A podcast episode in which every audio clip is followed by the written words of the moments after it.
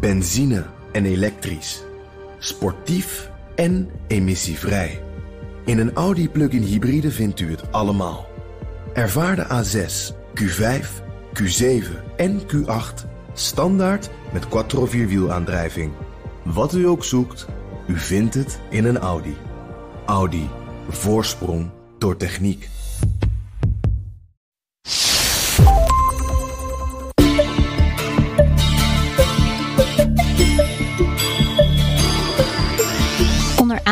Van China sloten 15 landen in Azië en de Stille Oceaan vorig jaar een van de grootste handeldeals ooit. Deze deal moet ervoor zorgen dat de landen makkelijker over en weer kunnen investeren. Tot grote vreugde van de andere deelnemende landen. Dat er heel veel ook te winnen valt natuurlijk van Ja. die Chinese aanwezigheid. En, en daar plukken ze heel veel vruchten van, willen ze ook graag. Ondertussen bouwen de Chinezen gestaag verder aan de nieuwe zijderoute. Met daarin een grote rol voor de rest van Azië. Toch begint er ook in dat continent steeds meer weerstand te komen tegen China. Mede door de Zuid-Chinese Zee. legitimiteit van de partij hangt op het feit dat ze China één maakt. En daar hebben ze de Zuid-Chinese Zee een onlosmakelijk deel van gemaakt. In deze aflevering zoek ik, Liao Wang, daarom uit hoe de verhoudingen liggen in Azië en hoe die er in de toekomst uit gaan zien. Kunnen de andere Aziatische landen wel zonder supermacht China? En wat gaat er gebeuren met de Zuid-Chinese Zee en Taiwan? Dat ga je horen in deze aflevering van de China-podcast. Van mijn gasten Frank Pieken, Ik ben hoogleraar moderne China-studies in Leiden aan Leidens, Leids Universiteit. En ik ben eh, ook verbonden aan het Leiden Asia Center. eh, dat ik samen met een aantal andere collega's in 2016 heb opgericht. En Maaike Okano Heijmans. Ik ben eh, senior onderzoeker op instituut Klingendaal in Den Haag. En daar werk ik al een aantal jaren op EU-Azië-relaties. Nou, we hebben eerder afleveringen gemaakt over China-Europa. Hele complexe relatie. Over China-Afrika. Een relatie die steeds meer volwassen wordt. Hoe zou jij de relatie tussen China en de rest van Azië omschrijven? Tussen China en de rest van Azië, eh, ik zou me omschrijven als, eh, als binair. Ehm, paradoxaal. Eh, het is een beetje een van de twee, denk ik. Ehm, en ook heel divers. Want Azië is natuurlijk ja, van Japan super ontwikkeld. En Singapore super ontwikkeld. Tot eh, Laos en Cambodja. En India. Dus daar zitten heel veel verschillen onderling wel. Maar eh, wel paradoxaal, omdat ze meeste landen economisch heel nauw verbonden zijn met China. China als grootste handelspartner hebben. Maar op veiligheidsgebied, nou ja, toch eigenlijk liever verbonden zijn aan Amerika. En zich ook echt wel zorgen maken over de groeiende politieke en strategische invloed van China. En eh, hoe ver moeten we terug om eh, dit te begrijpen? Zeg maar, wa- wanneer is dit een beetje begonnen? De relatie als die vandaag is? Nou, als je kijkt naar de ASEAN-landen als geheel. Eh, die zijn vorig jaar eigenlijk voor het eerst de grootste handelspartner van China geworden. Dat was opvallend, want dat eh, was eigenlijk eh, jarenlang was dat de EU. Nu waren zij de grootste landen, de handelspartner. Maar dat was vanaf ongeveer twaalf jaar geleden. In de jaren, eind jaren negentig gingen de Chinese bedrijven veel naar het buitenland. En dan kwamen ze natuurlijk snel in de achtertuin daar. Dat is dan Zuidoost-Azië, Zuid-Azië. Nou, Japan heeft natuurlijk ook een, Korea en Taiwan, die vallen daar ook allemaal onder. Um, maar nou ja, als je kijkt naar Zuidoost-Azië, daar was het echt, uh, nou ja, in, in deze eeuw eigenlijk, dat het echt uh, heel veel is veranderd. En hoe heeft zich dat ontwikkeld? Um, hoe heeft het zich ontwikkeld? Ja, dat vind ik wel heel erg lastig, omdat ja, over, zijn, uh, over de hele linie te zeggen, hè, omdat het dus zo divers is. Uh, maar ja, langzaamaan was er dus steeds grotere aanwezigheid van de Chinezen in, uh, in Zuidoost-Azië, in andere delen van Azië ook. En daarmee kwam dus nou ja, in eerste instantie nou ja, ook wel een beetje zorg, maar nog, nou ja, nog niet zo. Hè. Ook heel veel kansen natuurlijk, omdat de Chinezen heel veel kwamen brengen. Zoals hè, de decennia daarvoor eigenlijk vooral de Japanners heel veel hadden gebracht aan investeringen en aan helpen ontwikkelen van die regio. Um, nou ja, daarna kwam Zuid-Koreanen en de Taiwanese. En toen kwamen de Chinezen. Dus dat was eigenlijk een soort van derde golf van ontwikkeling die ze, helpen, die ze hielpen, ontwikkelen, hielpen bevorderen. Um, en langzaamaan kwam daar toch ook wel een, uh, nou ja, een ander sausje overheen. Toen bleek dat ja, China toch ook meer andere dingen met zich meebracht. Een ander type systeem, het staatsgecontroleerde systeem, het staatsgestuurde uh, marktkapitalisme. Um, wat anders was als nou ja, wat die andere landen hadden gebracht. En uh, nou ja, daar geleidelijk aan kwamen daar. En ik denk dat dat ook vooral kwam toen Xi Jinping aan de macht is. Hè, de afgelopen jaren. Dat China zich echt veel meer heeft ontpopt als land dat nou, ook dat systeem uh, niet op probeert te dringen, maar wel meeneemt. Hè, Middels die bedrijven en de aanwezigheid daar. En Frank, uh, Maaike raakte het net natuurlijk al even aan. Hè, van het, is, het is ook moeilijk om, om Azië als één relatie te omschrijven. Um, als je het perspectief vanuit China pakt, in welke blokken valt dat dan een beetje uiteen? Um, Ten eerste moeten we natuurlijk zeggen dat Azië uh, voor China een heel apart continent is, omdat het zelf in Azië ligt. Dat is heel simpel. Uh, dus veel van haar relaties met eh, andere landen in Azië zijn ook relaties met buurlanden. En dat maakt het meteen iets totaal anders. Nou, Mike heeft er al iets over gezegd. Voor de ASEAN dan met name niet totaal een buur, buurlanden, maar toch. Ze zitten daar echt in de brandhaard van China's geopolitieke expansie en opkomst qua veiligheid dus dat maakt voor hun die relatie met China een totaal andere dan voor ons in Europa, waar we gezellig achterover kunnen leunen, toch nog steeds. Maar ja, het blijft toch wel heel erg ver weg. En voordat hier uh, Chinese legereenheden en Chinese marineschepen uh, voortdurend uh, aanwezig zijn, dat duurt nog wel even. En in Azië ligt dat toch een tikje anders. nou, voor veel Aziatische landen betekent dat dan ook dat die grenzen met China vaak bronnen zijn van potentieel conflict. China heeft aan de ene kant geprobeerd om die grenzen uh, duidelijker af te spreken met haar buren, bijvoorbeeld met Rusland of de Sovjet-Unie eigenlijk, en daarna met Rusland. Um, maar bijvoorbeeld met India, en dat is natuurlijk een heel belangrijk en heel groot voorbeeld, blijft die, dat, dat grensgebied blijft betwist. dat betekent dat India en China de twee grootste landen ter wereld. Eén uh, alle eigenlijk een supermacht, de andere misschien een supermacht over 20, 30, 40 jaar. Uh, eigenlijk structureel altijd met elkaar in de clinch liggen, omdat ze nooit zullen toegeven dat die grenzen uh, eenduidig moeten worden afgesproken. Dus daar blijf je altijd problemen mee houden. En natuurlijk zijn er dan ook problemen, zoals we weten, met Japan, uh, in de Oost-Chinese Zee, met de Sensaku-eilanden. Natuurlijk met Taiwan, ja, wat is dat eigenlijk? Um, en, en Hongkong. Dus China zit in Azië voor een groot gedeelte als een ongemakkelijke buur die nog steeds niet helemaal haar eigen nationale grenzen en daarmee ook haar nationale positie heeft vast kunnen leggen. Ondanks de conflicten werd vorig jaar een van de grootste handeldeals ooit gesloten. China, Japan en Zuid-Korea hebben samen met nog twaalf andere landen in de regio, dan moet je denken Maleisië, van alles nog wat, en Vietnam, een vergaand vrijhandelsakkoord ondertekend. Waar ze al jaren mee aan het voorbereiden. En gisteren hebben ze een poot eronder gezet. De Regional Comprehensive Economic Partnership, Partnership oftewel RCEP. De landen die eraan meedoen zijn samen verantwoordelijk voor een derde van de wereldeconomie. Ja, en ook zo'n beetje voor uh, ja, een derde van het aantal mensen wat op aarde woont. Dus het is een vrij grote economische vrijhandelszone. Hiermee is een vrijhandelszone tussen de 15 deelnemende landen gecreëerd, waardoor tarieven lager worden, markten worden geopend en er vrij verkeer van goederen komt. Dus is het volgens Maaike logisch dat Zuidoost-Aziatische landen hier aan meedoen. Er uh, heel veel ook te winnen valt natuurlijk van ja. die Chinese aanwezigheid. En, en daar plukken ze heel veel vruchten van, willen ze ook graag. Een van de initiatiefnemers van deze deal was India. Maar de Indiase minister van Handel kondigde begin vorig jaar aan dat zijn land zich terugtrok uit de deal. We also had China in that room, with whom we have very serious concerns about the way they are carrying out their trade? Nou, ze hebben jarenlang wel meegedaan met onderhandelingen, natuurlijk. En eigenlijk, ik denk ook dat het door India komt dat het nog langer heeft geduurd dan dat het anders had geduurd. Uh, want India is niet zo van de vrijhandel. Op een andere manier dan China, maar India zeker ook niet. En die zijn zich ook heel zelfbewust. Net als uh, China heeft India een enorme interne markt. Dus ja, om daar andere landen toegang toe te verschaffen, dat is best wel uh, heel wat. En dan geven ze heel wat op. En uiteindelijk concludeerden ze dat het ze niet waard was. Want er zit ook een, een digitale handelshoofdstuk uh, in dat uh, akkoord.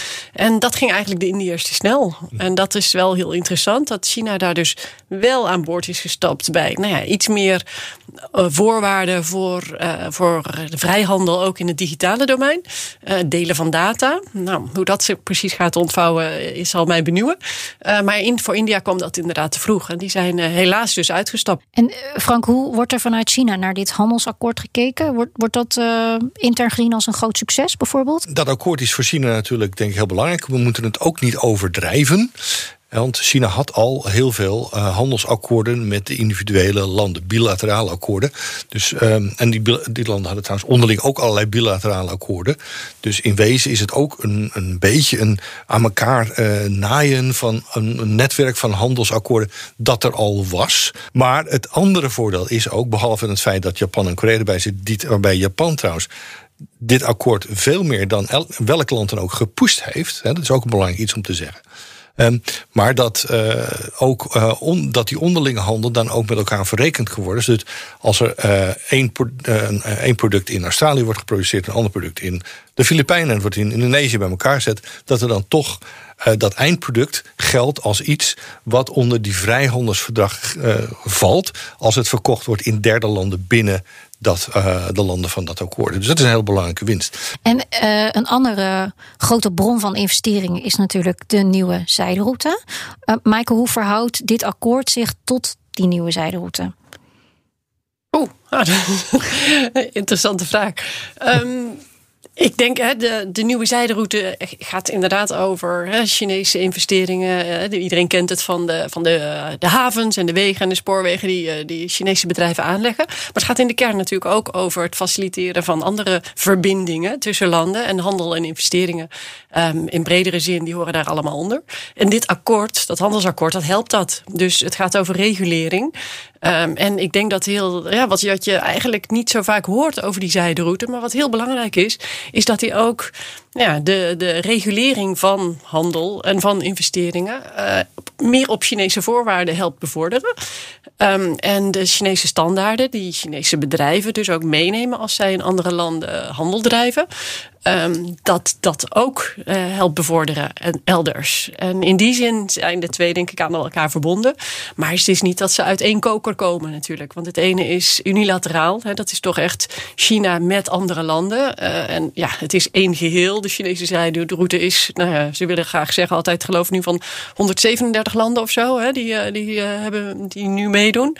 maar het komt heel duidelijk uit China. Daar is de push vandaan. Terwijl het andere akkoord, daar was China één van de spelers. Hè, een van de vele onderhandelaars. Dus dat is ja, toch wel een heel ander, een heel ander spel eigenlijk, wat ze dus moeten spelen. Belangrijk dat je dat zo zegt, want het gaat de ene, bij, bij dat handelsakkoord gaat het om, laten we zeggen, een, een voortzetting van de bestaande wereldorde multilaterale wereldorde. Bij de Belt and Road gaat het om toch een nieuwe wereldorde die China zelf vorm aan het geven is en zelf stuurt. Dat zijn twee fundamenteel verschillende dingen. Uh, het aardige is, juist van dit hele deze twee hele grote voorbeelden, dat allebei dus tegelijkertijd kunnen gebeuren en uh, niet in tegenspraak met elkaar hoeven te zijn. Inmiddels zijn landen uit bijna alle continenten betrokken bij de Belt and Road, ofwel de nieuwe zijderoute. Maar het startpunt was in Azië. President Xi Jinping kondigde de nieuwe zijderoute in 2013 aan in Indonesië en Kazachstan. The two sides should work together to build up a new maritime road in the 21st century. En dat is heel bewust gekozen, ook Indonesië vanwege de maritieme eh, zijderoute, zeg maar. En Kazachstan vanwege de landzijderoute. Dus het is begonnen als een idee om China te verbinden met Azië. Dus Zuid-Azië, Zuidoost-Azië en met Centraal-Azië. Dat zijn, dat zijn de twee beginpunten. Dus het is begonnen met Azië en vanuit Azië is het heel snel dat idee dan uitgebreid naar Europa, naar, naar, Afrika en uiteindelijk naar Australië. en uiteindelijk zijn we ook in Latijns-Amerika terechtgekomen. Maar Azië is echt de kern. Daar vindt ook de meeste investering plaats, daar vindt de meeste handel plaats. Dat is uh, waar de toekomst van China toch voor een heel groot gedeelte als wereldmacht zal worden bepaald. Um, en als je kijkt naar. En het aardige van Azië is ook dat veel landen waar de Belt and Road investeringen echt een hoge, een grote vorm aannemen, vaak landen zijn waarbij, uh, net zoals in China, de overheid een belangrijke rol speelt in het bedrijfsleven. En in de, in, in de economie. bijvoorbeeld een land als Maleisië, een land als Indonesië, een land als Myanmar, als we dat een, uh, tenminste nog een economie willen noemen. Um, dat soort landen eh, die hebben een belangrijke rol van de overheid in de economie met grote bedrijven, soms staatsbedrijven, soms privébedrijven, die sterk door de staat worden aangestuurd. En dat, dat klikt heel lekker met het Chinese systeem. Dus heel veel van die, van die grote projecten en, en investeringen en dergelijke zijn eigenlijk uh, niet staat-staat overeenkomsten, maar wel overeenkomsten waar de overheden van beide partijen, beide landen, een hele belangrijke leidende rol in spelen. En dat maakt dus uh, veel Aziatische landen, niet allemaal, maar veel Aziatische landen, veel meer, veel handiger, veel direct benaderbaar voor Chinese projecten en Chinese expansie dan zeg Europese landen, waar wij toch een broertje dood hebben aan het idee dat de overheid uh, de economie zou gaan sturen en leiden. Herken je dat, Maaike? In, in hoeverre wordt in die draai van China naar, naar het westen dan van China, wordt dat ook omarmd door de landen daar? Um, nou, in eerste instantie werden de, de, de, flinke investeringen die de Chinezen wilden doen in, in infrastructuur heel erg verwelkomd. Zeker. En uh, dat was ook gewoon omdat er een tekort was van andere investeerders. Terwijl er eigenlijk al heel lang bekend was van ja, heel veel landen zitten juist op infrastructuur te wachten. Dus om die reden hebben ze het enorm om, omarmd. Um, dat dan overheden inderdaad makkelijker met elkaar kunnen communiceren, omdat ze iets meer van een, vergelijkbaar systeem hebben. Uh, ja, dat denk ik ook. Maar wat ik denk ik nu eigenlijk ook vooral interessant vind en, en graag iets over wilde zeggen, is nou ja, zijderoute 2.0 eigenlijk. In 2015 is de digitale zijderoute uh, geïntroduceerd. En ook dat zie je dat het als eerste in, in, in de ring rond China, de China's achtertuin, terechtkomt. Want daar gaan heel veel Chinese bedrijven naartoe. Wij gebruiken hier allemaal Facebook en Amazon en uh, uh, de Amerikaanse big tech. Maar daar gebruiken ze toch grotendeels ook de Chinese big tech. En uh, nou ja, dat brengt dus ook die zijderoute met zich mee. En ook daar heb je weer dat verhaal van. En dus ook de standaarden. En, en daar zit nu ook het hele geopolitieke spel wat gespeeld wordt. Waarbij die landen dus moeten gaan kijken van ja, wat willen we nou op, op dit vlak aan keuzes maken? Aan privacy, data delen, uh, 5G, cybersecurity. Um, dat is dus de digitale zijderoute die die vragen opwerpt. En, en waar die landen heel erg mee bezig zijn. En dan kijken ze toch ook echt naar alternatieven verder dan China en verder dan de VS. En daar zijn we dus ook met ze over in gesprek vanuit Europa. Zo'n alternatief werd er geboden door de G7, waarin zeven grote industrielanden als de VS, Japan en Duitsland zitten. Tijdens een top in juni van dit jaar kwamen ze met het plan voor een nieuw wereldwijd infrastructuurproject als alternatief voor China's nieuwe zijderoute. We know there's a huge need for infrastructure in Africa, for example. It's in our interest that Africa develops in an economically sensible way. You can't just say China will do it. Zei de Duitse bondskanselier Angela Merkel na afloop van die top. Volgens Frank ziet China dit plan duidelijk als een bedreiging. Maar ze zien ook dat het uh, best wel veel breuklijnen in zitten en dat het nog lang niet uh, zover is. Maar ze zijn er wel beducht voor. Uh, wat we ook niet moeten vergeten, dat veel van wat je hoort bij de G7 en ook wat Chinese diplomaten zeggen, is eigenlijk toch ook wel voor de bühne. Meer dan echt uh, voor beleidsmakend. Uh, dus we moeten nog maar afwachten wat er eigenlijk terechtkomt. Maar Frank, is het ook misschien een beetje een, een waarschuwing aan de, de, de, iets zwakkere, de, de, minder ontwikkelde landen, vooral in de, om, ja, in de buurt van China? van, hè, wij staan zelfs tegen hè, de G7, machtige G7, durven we deze toon aan te slaan. Dus uh, nou wagen jullie het al helemaal niet om hier nog eens iets. Uh, ja, ben ik het volkomen mee eens. Maar dat is onderdeel van ja, hoe super, supermachten zich gedragen. He, die, uh, die slaan niet wild om zich heen, maar wel uh, heel zelfbewust. En zijn er niet voor beducht om de hegemon uit te hangen. En andere landen te vertellen wat ze moeten doen. als dat in hun eigen belang is. He. En werkt dat, Maaike? Laten mensen zich daardoor, laten de Aziatische landen zich daardoor een beetje uit het veld slaan? Nou, uit het veld staan denk ik niet, maar het bevestigt wel inderdaad dat idee van, nou ja, we moeten wel heel beducht zijn op in, in, in die balans proberen te zoeken. Uh, nou ja, die rode lijnen, uh, die, die, die zijn heel helder uh, en daar moeten we niet overheen gaan. Ja, die paradox waarmee ik begon, eigenlijk als karakteristiek voor China-Azië-relatie. Ja, ik zit ook soms te denken aan ja, een soort van gevangen in een gedwongen huwelijk. Hè? China is de grote handelspartner, dus daar, daar, daar moet je wat mee, daar wil je ook wat mee. Maar heel gelukkig word je er niet van. Een voorbeeld waar dit gedwongen huwelijk zeker op gaat, is de Zuid-Chinese Zee. Volgens de Chinezen is vrijwel die hele zee, inclusief de eilanden, onderdeel van China. Tot grote onvrede van landen als Indonesië, de Filipijnen en Vietnam, die ook delen van die zee claimen. China probeert een soort van legitieme plek, in, in de eigen ogen legitieme plek, eh, te, te heroveren. En waar die grenzen precies liggen hangt af van nou ja, welke datum je neemt in de geschiedenis. Um, en, en daarin gaat China veel verder terug, volgens mij, dan sommige anderen. Um, veel verder terug om dan zich nog meer te kunnen toe-eigenen. En uh, daar, ja, daar spelen ze toch een beetje het landje pik, of het, de, de salami-methode, zoals sommigen het wel noemen. Van elke keer een, een klein duw verder gaan. Um, en onconventionele methodes. En nu recentelijk dus eigenlijk uh, zagen we dus weer... en dat is allemaal in de buurt van de Filipijnen... dus allemaal in die Zuid-Chinese zee... Uh, waar ze dus nou ja, steeds een stukje verder gaan... en dan hmm. nou ja, een, een steen aangrijpen en daar iets, een post neerzetten... en dat uitbreiden tot iets groters... en zo een soort van nieuwe realiteit creëren. Um, waarbij dus China steeds meer nou ja, een grotere zone krijgt eigenlijk die bij, die bij het land hoort. Hoe belangrijk is die Zuid-Chinese zee voor China? Ze zeggen dat het superbelangrijk is, dus vis, olie en dergelijke. Ik denk dat de belangrijkste argumenten de twee toch zijn. Ten eerste het politieke argument dat China één moet worden en dat de partij, uh, de, de, de, de legitimiteit van de partij hangt op het feit dat ze China één maakt. En daar hebben ze de Zuid-Chinese Zee een onlosmakelijk deel van gemaakt.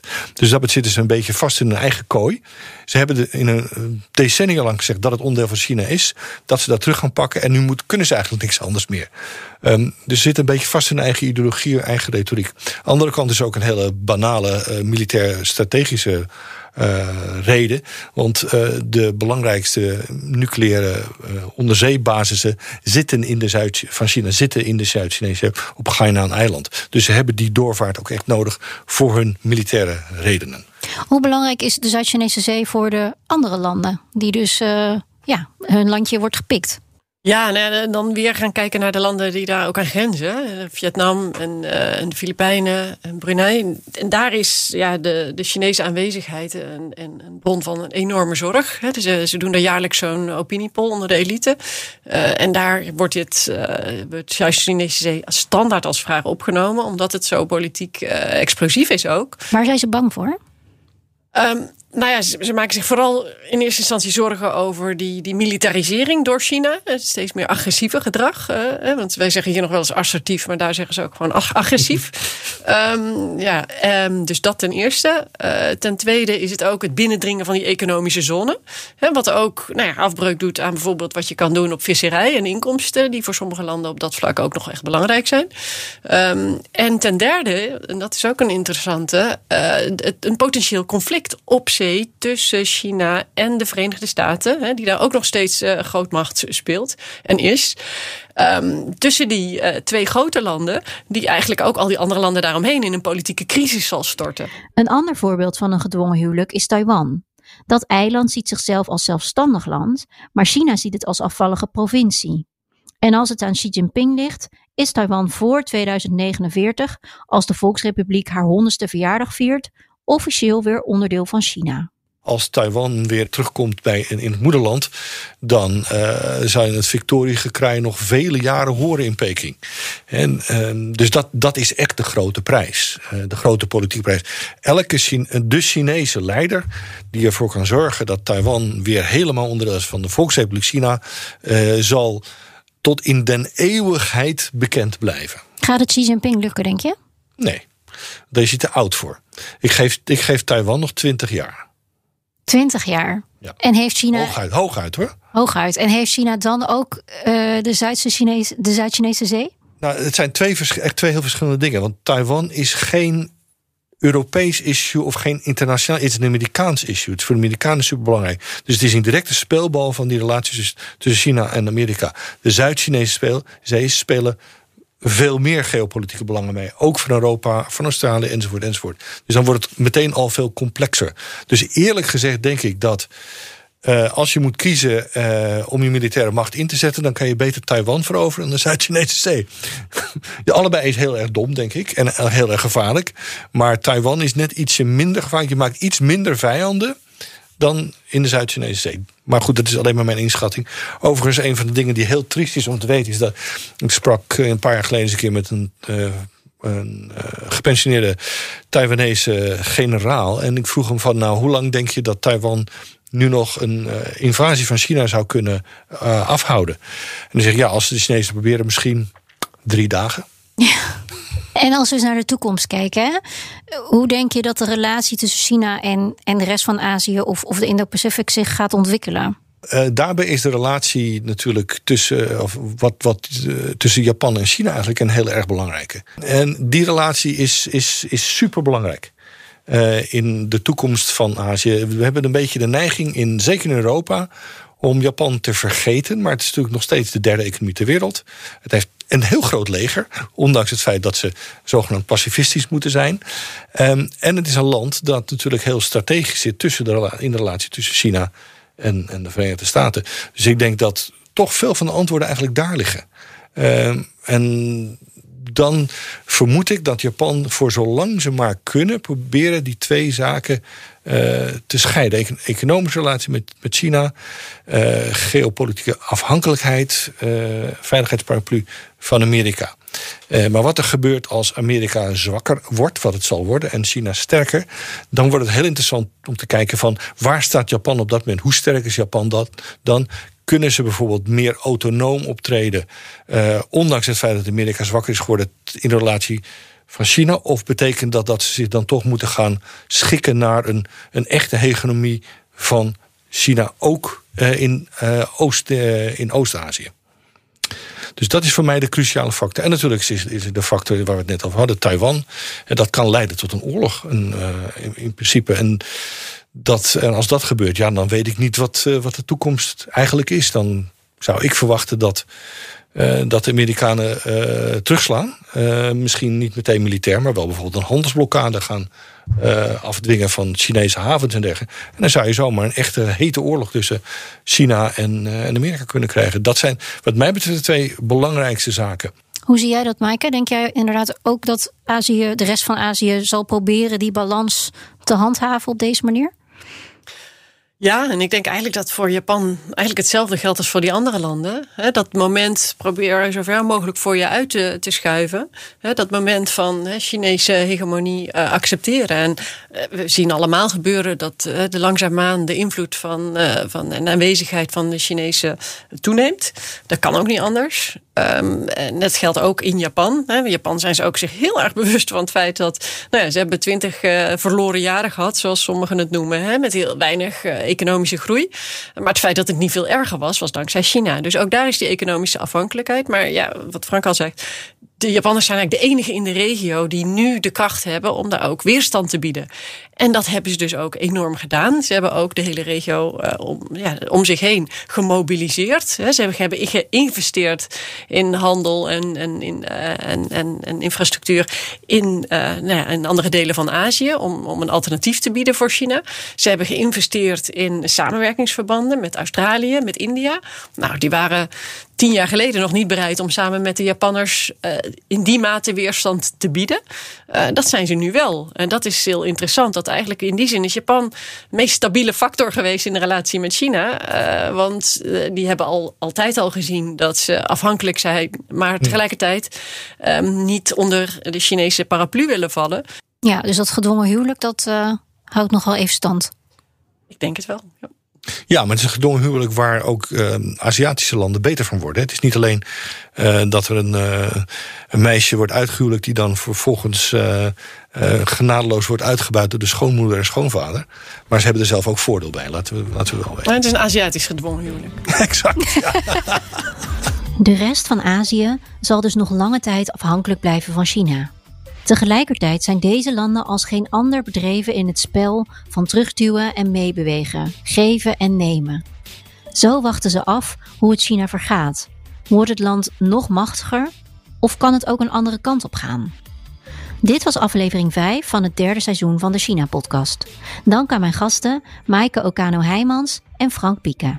Deze podcast komt mede tot stand door het Leiden Asia Center. De China-podcast wordt gemaakt door mij, Liao Wang en John Boy Vossen, die de productie doet. Dit is de laatste aflevering van deze vijfdelige serie. Over enkele weken komt er weer een nieuwe serie aan in dit derde seizoen.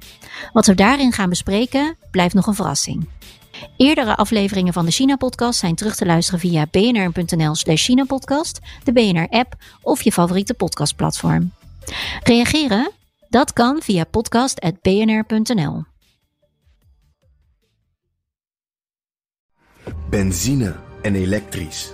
Sportief en emissievrij. In een Audi plug-in hybride vindt u het allemaal. Ervaar de A6, Q5, Q7 en Q8 standaard met quattro vierwielaandrijving. Wat u ook zoekt, u vindt het in een Audi. Audi. Voorsprong door techniek.